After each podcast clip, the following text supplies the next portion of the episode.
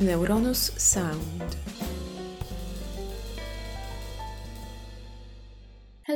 In this episode, we are honored to present you the interview with our special guest, Professor Peter Achermann from the Chronobiology Lab, University of Zurich. Professor Achermann is working on sleep, mostly on sleep modeling, and we wanted to focus on this topic since in the last decades we can see that there's a kind of pandemic of sleeping loss. Did you know that you are spending more or less 20 up to 30 years while sleeping during your lifetime? Yeah. Not only this, but sleep is prevention from from cognitive loss and even cancer. And since sleep is an integral part of our life and ensures a good quality of it, we want to tell you a bit about sleep with a real specialist in this field. Enjoy listening.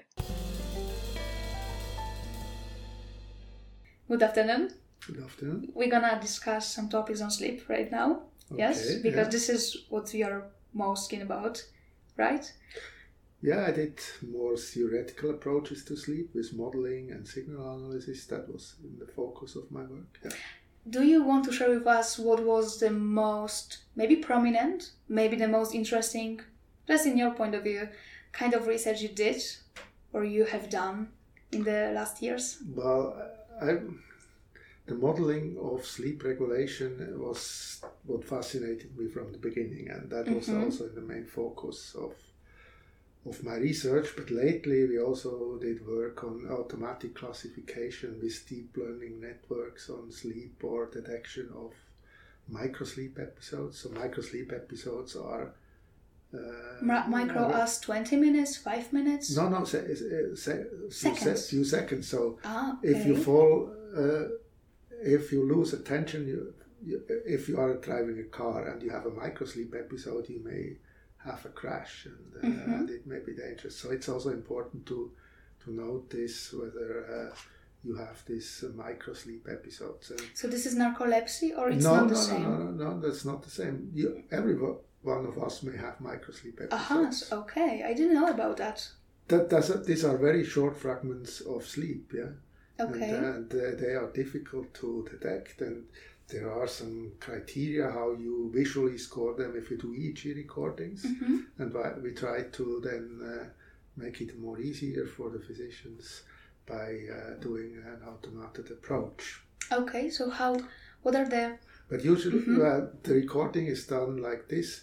There is a test called maintenance of wakefulness test. hmm So you sit for 40 minutes in a chair in Quite a dark long. room hmm and you should not fall asleep. not. No, you should not fall asleep. I, I, okay, so I need to look at myself, be full attendant, yeah, Well, be full are- mindful. It's dark. Okay. Do we know if our brain thinks like, oh, I think that's night, or our brain is not so easy to be tricked? No, I think, well, for me, I would have difficulties to stay awake for 40 minutes because Mm. usually don't sleep enough. That's Mhm. another topic we can talk about. But uh, yeah, it's also something the, the medical doctors have to do if they have to judge whether somebody is still capable of driving. So, Uh-huh. in particular, professional drivers, yeah, if they have sleep apnea and they are not well treated, they there there is a large danger that they fall asleep at the wheel, and and then they need to be tested, and this is one of the tests they do. Okay. And so there is also another test that is called multiple sleep latency test. hmm There you you you go to bed and you are allowed to fall asleep, and you, you just look how long it takes to fall asleep, and you do the what hour? measurements several times a day. So Uh-huh. Uh, so that you also see well it, it's, it may be different in the morning or in, in, in, In the evening. in the evening yeah so the morning you just woke up then it's probably hard to fall asleep so Mm-hmm. you have then two components it's how long you have been awake Mhm. and also the circadian uh, system so that your body clock plays a role so both contributes it it's difficult to separate it Mhm. but to see the microsleep, then you do the other test, this maintenance of wakefulness. You have to try to stay awake. Okay. I also want to ask you, as a scientist, so probably who has been working a lot in their life, do you think that sleep is prominent or sleep is something not so necessary because we need a lot of time to do our work? To do Oh, our no, no, research. what do you think? That's a strange attitude. No, Why no, so strange? Don't we waste no. our time when So- you're sleeping? Yeah, yeah, sure. That's the question. Do you waste your time while you're sleeping? I don't think so. Sleep. We don't know the function or the functions. Probably it's not only one function of sleep, Mm-hmm. but sleep is really necessary, and you should not mess up with your sleep. Yeah. I often I'm asked how much sleep do I need. Yeah, and that's something I can't answer Mm-hmm. because it's very individual. So there are short sleepers, there are long sleepers, and the majority of the population sleeps around seven to eight hours. But you have to find out for yourself. Okay. If you don't sleep enough, at some point your uh, performance breaks down. Yeah. You notice that you fall asleep while you are in a lecture, or yeah, you, you lose your attention, you make mistakes, and so on, and you know you, you don't sleep enough. So I, I know that right now in the modern society there is this attitude. Well, I uh, it's fine. I have enough with four hours. Yeah, and a lot of people at high level in the industry or so or management uh, they, they they don't need much sleep and, and they perform well. But that's really dangerous because if you don't sleep enough, you're prone to mistakes. Okay, and do you think, or that's science now, if it is a myth or it is a true that some people are night owls and some people are willing to wake up early because just they like it? So, do we have a one pattern for everyone to go to bed and wake up at certain hours, or it depends? It's very vulnerable, It variable. it's variable, but it's individual. So there are larks and owls, th- but these are extremes, yeah. And most of the people are somewhere in between or close to one of them, and it may also change in, in the course of of your life, yeah. Mm-hmm. So you, when you get older, you may shift uh, towards earlier bedtimes than it was uh, when you were Mm-hmm. um, younger. And also in adolescence, you have the tendency to need, you need more sleep, and, and often you go to bed later. So there is a mismanagement between what you need and societal uh, implications. Yeah, you have to get up. You have to go. Yeah, mm. you have to get up at a certain point of time because you have to go to school. Or, But do you think that it would be a good approach to maybe allow people to choose what hours they want to work? Because, as you said, it's individual thing, right? When you want to go to sleep, when you want to wake up, and do you think that would be better? That's hard to say, yeah, because you're also living in a society, and it depends what, what kind of job you have. So if you are a researcher, I think then it's no problem at all. There are or there are music, musicians, composers, or so. I, I was in touch with one who composes at night. Okay, because he. That's his. Uh, yeah, he then he functions best. Mm-hmm. But the, the consequence is then he has to sleep during the day, and then you also may miss, and, and your social interactions become difficult, yeah, because you are completely shifted to the rest uh, Of of your of your social environment, yeah. Mhm.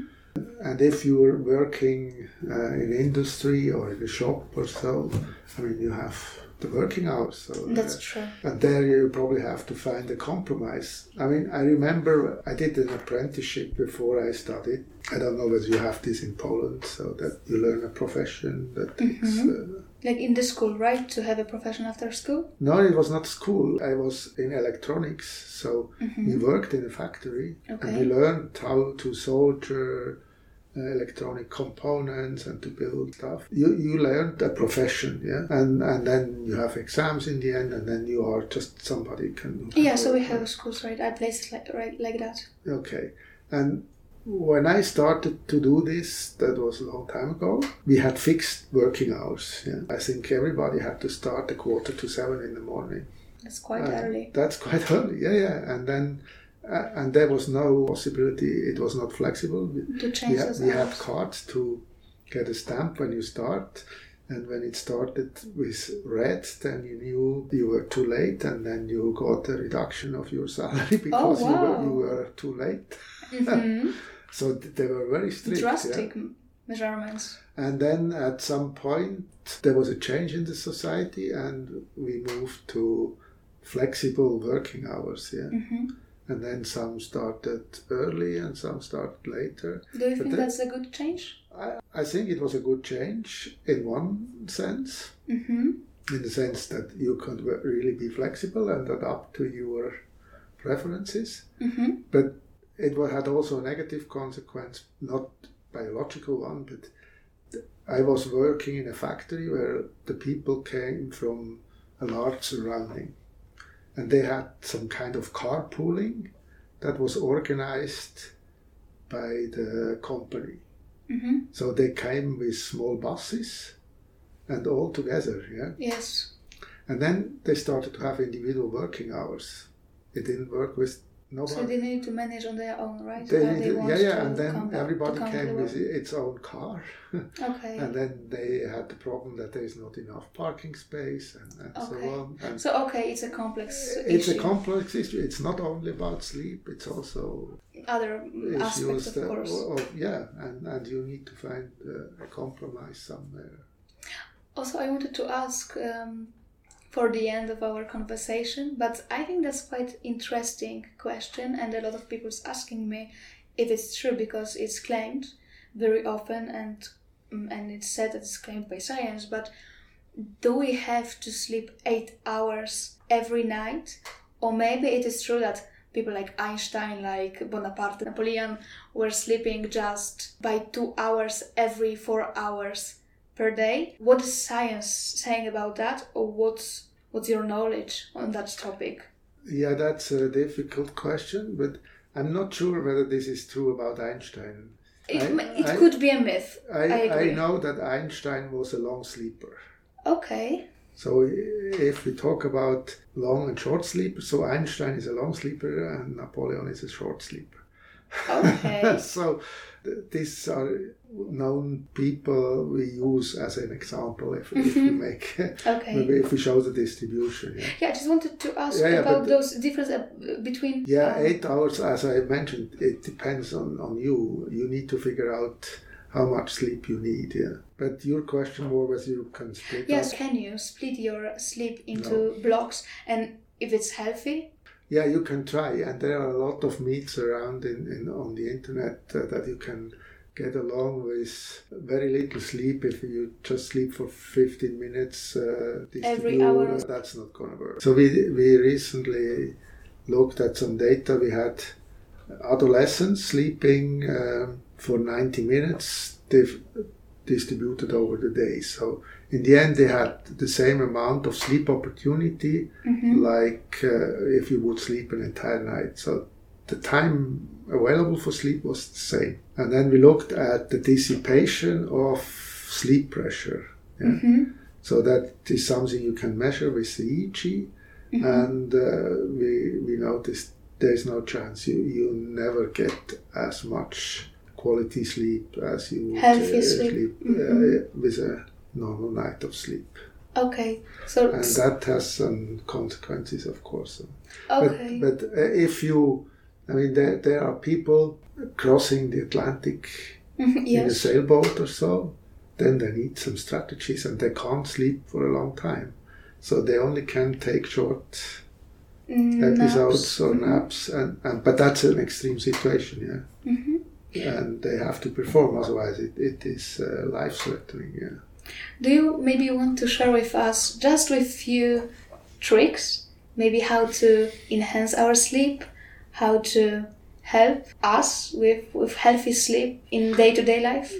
there is what we call sleep hygiene. Yeah, so you the best would be to have a, a more regular sleep wake cycle uh, to avoid uh, exciting stuff just shortly before you go to bed. Use your bedroom mainly for, for sleep. Have a darkened room, not too high temperature.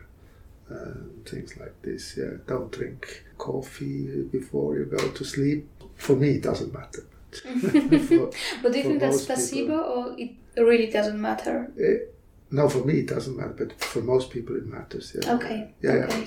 So when you should uh, like usually drink the last cup of your coffee during the day? Oh, that's also something that is very, very individual. Yeah, some people claim that if they drink coffee in, in the afternoon, it doesn't, they cannot sleep well, Mm-hmm. and others they are not affected at all. So one has to find out on your own. It's On your own. that's something I think one has to learn from biology. There's a lot of inter-individual variability, and that has to be taken into account. Of course. Also, babies, for example, you have the idea a baby has to sleep so many hours, yeah.